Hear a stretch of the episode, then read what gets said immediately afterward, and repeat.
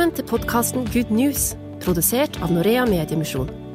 Her vil vi snakke om hvordan vi som kristne kan nå mennesker fra unådde folkegrupper som bor her i Norge, med evangeliet. Vi ønsker både å utfordre, inspirere og utruste deg som lytter, til å være et kristent vitne i møte med våre nye landsmenn.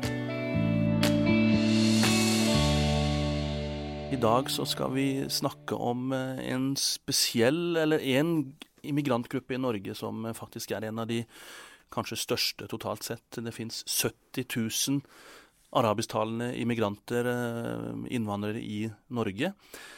Mitt navn er Jostein Zett, og det er Norea Mediemisjon som produserer denne podkasten. Og i dag så skal jeg snakke med to eh, personer som både kan arabisk, har arabisk bakgrunn, og som jobber med arabisktalende i Norge. Den ene heter Pål Odde, jobber i IKF, Internasjonalt kristent fellesskap i Stavanger, og har jobba med det i mange, mange år. Og den andre er Medat Josef, som selv er fra Egypt, og som for tida studerer på VID i Stavanger, og som også har en deltidsstilling knytta til arbeidet blant arabisktalende i Norge. Pål, eh, det fins faktisk altså 70 000 arabisktalende i, i, Norge. og Hvordan vil du beskrive Det er jo en stor gruppe med mennesker fra mange forskjellige land, selvfølgelig. Men eh, hvis du skal si noe generelt om de arabisktalende i Norge, hva vil du si for noe da? Nei, det er litt eh, vanskelig å, å, på en måte å se litt folk som kommer fra forskjellige nasjoner. Eh, og det, det, er veldig vanskelig å se i ansiktet om de er arabiske eller ikke. Som du sier, 70 000, og det var i, i januar uh, 17. Og jeg tror i dag så er det over 80 000. Men det er blitt veldig mye brek fra uh, den syriske gruppa som har kommet uh, til Norge de senere år, og blitt den største arabiske gruppa, og det er en av de største uh, innvandrergrupper som er i Norge. Og det er felles språk. Det er forskjellig dialekt, men det er forskjellige kulturer, på tross av at de bruker samme språk. Det er en utfordring, men det er en, en, en opplevelse å høre arabiske språk i gater. Det gjorde ikke jeg for mange år siden. Da var det veldig vanskelig å snakke arabisk. Men nå er det liksom du føler at det arabiske språket er blitt nummer to i Stavanger, da, tenker jeg på. Altså Når vi snakker da om eh, I vår sammenheng så snakker vi mye om unådde folkegrupper. og eh, Det er vel rett å si at dette er en av de mest unådde folkegruppene i Norge, for her er det vel veldig få kristne? Det er det. Det er eh, Ganske mange har hørt om eh, kanskje hvem Jesus eh, er, men de kjenner ikke ham. Eh, det er en del kristne blant de som har kommet her, kanskje 10% eller litt mindre. Men det er en, en mulighet for å nå dem med evangeliet. Sånn at, at de ikke bare hører om Jesus gjennom deres religion, men at de kan høre om Jesus gjennom oss som er kristne. Og at de kan se Jesus i vårt liv og høre om han gjennom, uh, ja, gjennom våre ord.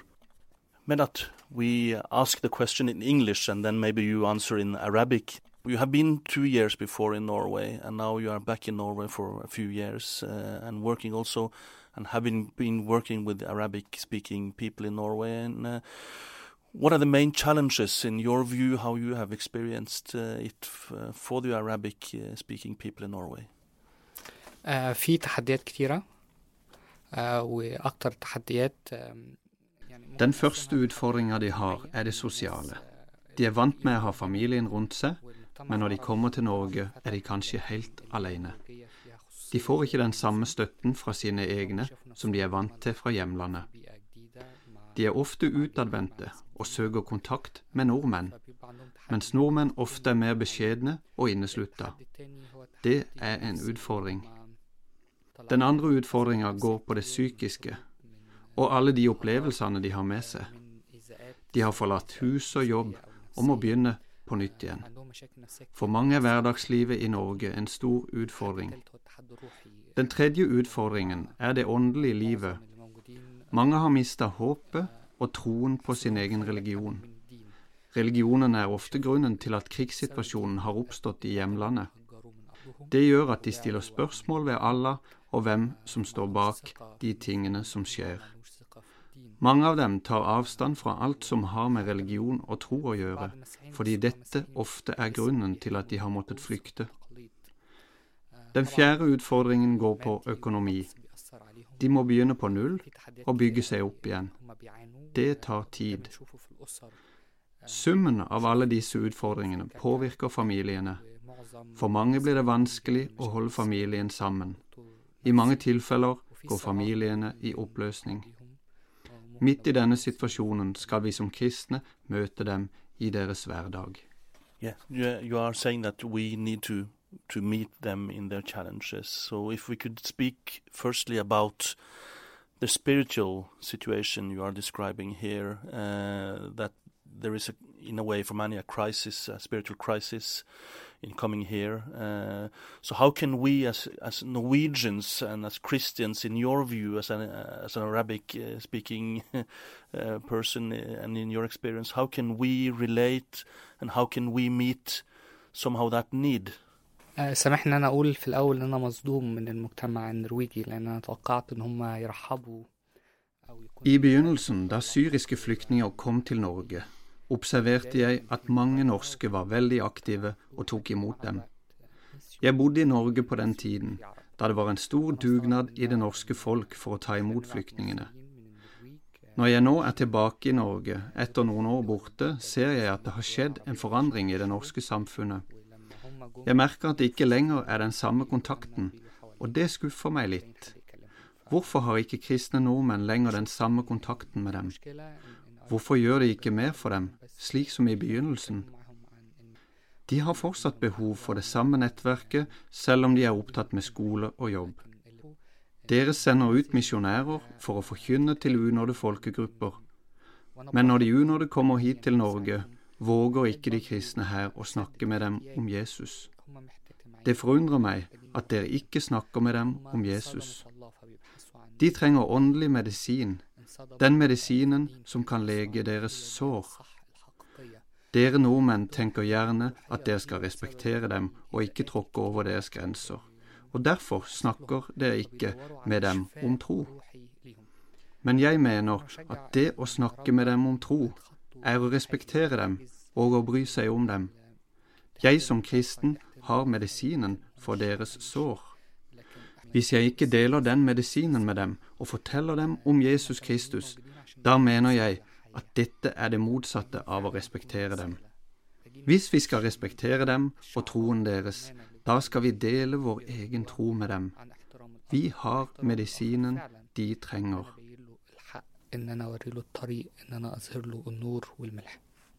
Ja, Pål, eh, Medat utfordrer oss jo som nordmenn ganske kraftig her, egentlig, når han sier dette om eh, at vi kanskje rett og slett misforstår litt når vi holder oss litt tilbake der. altså eh, Hva tenker du? Altså, eh, nå snakker vi jo kanskje til, primært til nordmenn som, som har et ønske om å bidra inn mot innvandrere også, men hva tenker du om de utfordringene han, eh, han forteller om her? Ja, jeg støtter han med det pga. vi i Norge vi har vant med at, at troen det er en privatsak. Eh, og da, da, når det er privatsak, det snakker ikke jeg så mye om i privatlivet. Og, og liksom på møter på bedehuset kan jeg vitne, men når jeg er ferdig med, med bedehuset, så blir det privat for meg. Mens i Midtøsten er troen det er en del av det offentlige. Eh, og de, de, tenker liksom at, at, når du møter en som ikke er kristen, han forteller meg en gang jeg er muslim. Eh, for meg sjøl personlig, når jeg møter en person, så forteller de jeg er en personlig kristen. Og, og, folk sier du er frimodig. Nei, ikke frimodig, men det ligger i blodet mitt. At det er en del av mitt identitet. Og da, da må jeg fortelle hvem jeg er. Jeg kan ikke bare si at jeg kommer derfra og snakker det språket, men jeg bare forteller hva jeg tror på. For det er veldig viktig. Og det føler jeg at det, i Norge eh, har mistet den frimodighet at eh, kristendom og troen er blitt en så lukket system at det er eh, Det deler ikke med det andre. Mens folk som kommer fra Midtøsten og fra den arabiske verden, de ønsker å høre om Jesus. Og det kan utfordre oss at vi må våge å fortelle. Og det er en steg å gå, men det er en viktig steg. For hvis ikke jeg forteller om hva jeg tror på, fra første år når jeg møter folk. For jeg har sett at noen har hatt kontakt med, med noen som er ikke-kristne i flere år. Jeg hadde fortalt at du er kristen. Nei, jeg vil ikke bare vente inntil vi blir gode venner. For meg å fortelle at jeg er kristen, det gjør jeg fra første minutt. For da vet de hvem jeg er, og da fører samtalen dit. Og det er en, en, viktig del, og det kanskje vi i Norge, kristne i Norge bør lære oss å vite at religion, eller ikke religion, men i troen, er en viktig sak når vi skal møte det med, med mennesker. Det er viktig at de vet hva jeg tror på, for da er det lettere for dem å snakke med oss om Jesus, da.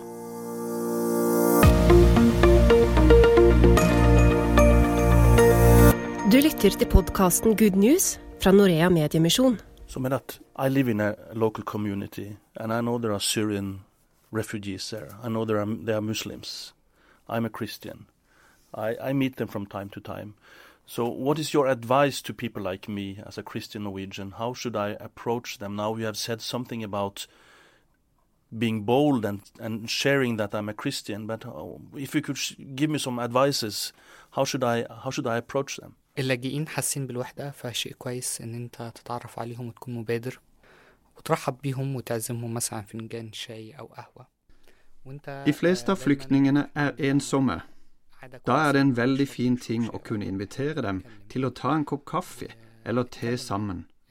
I en slik setting kommer samtalen. Du har sikkert sett at dette er vanlig i Nord-Afrika eller Midtøsten.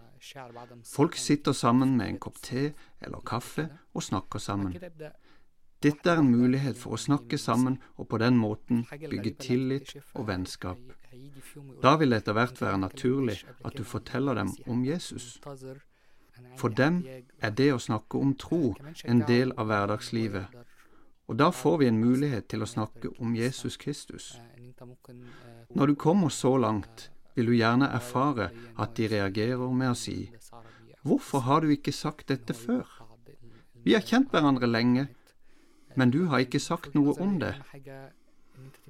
Da blir vennskapet en fin bro fra oss og over til Jesus. Når vi har kommet så langt at vi har delt troen med dem, er det viktig å oppmuntre dem til å være med på gudstjeneste eller møte på bedehuset.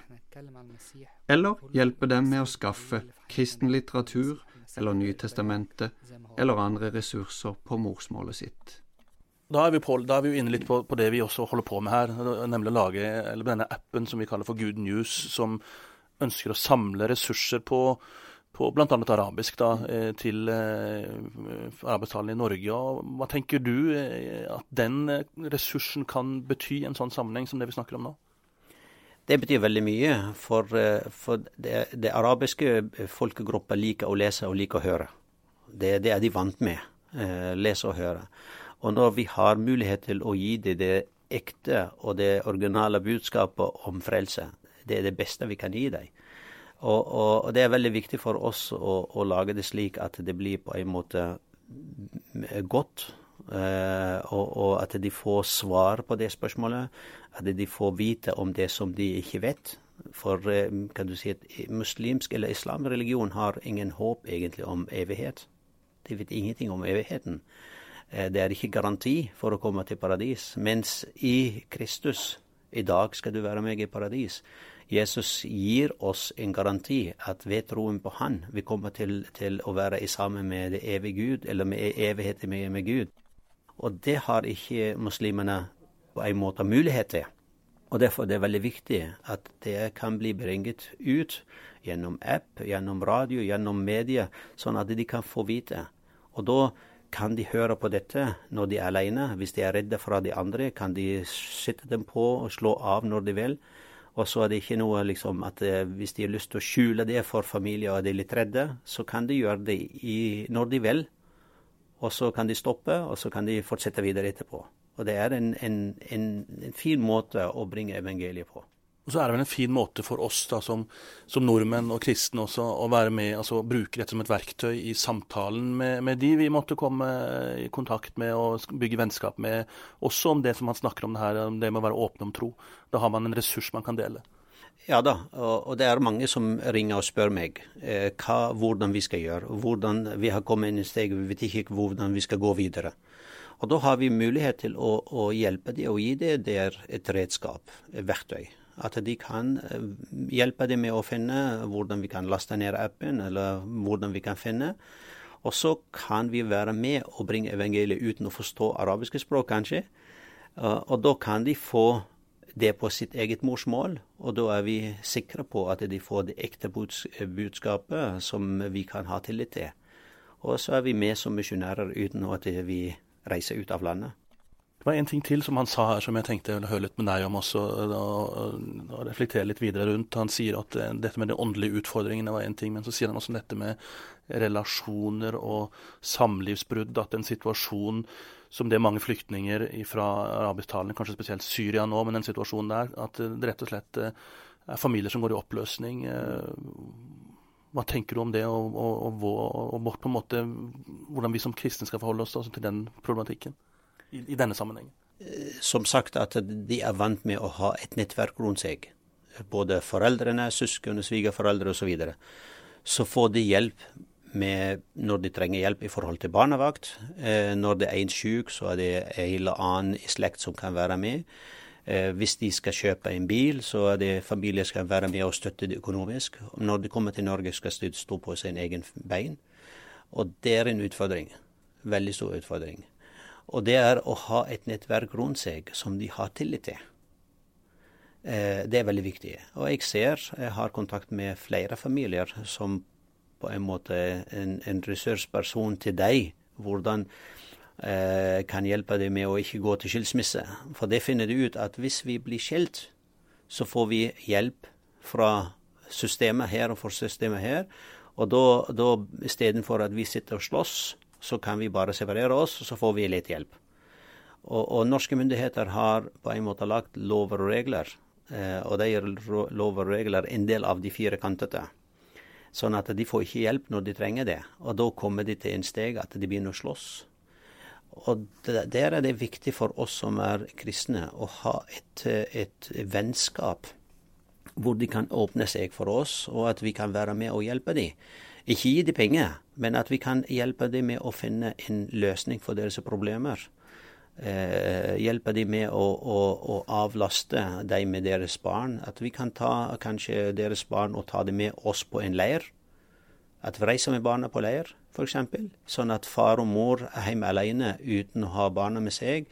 Sånn at de kan eh, puste ut. For det det de jobber, og går på skole, og så blir de veldig stressa når du skal bygge livet på nytt igjen fra null, når du er kanskje 30 år, eller 20 eh, år, eller 50 år.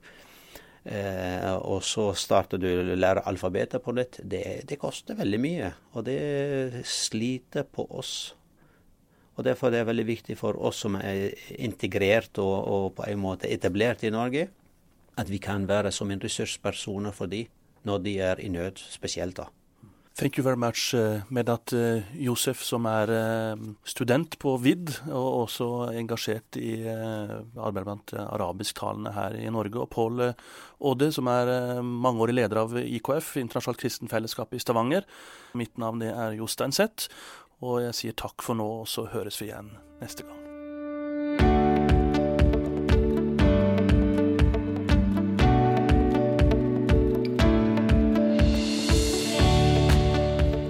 Du har lyttet til podkasten Good News fra Norea Mediemisjon.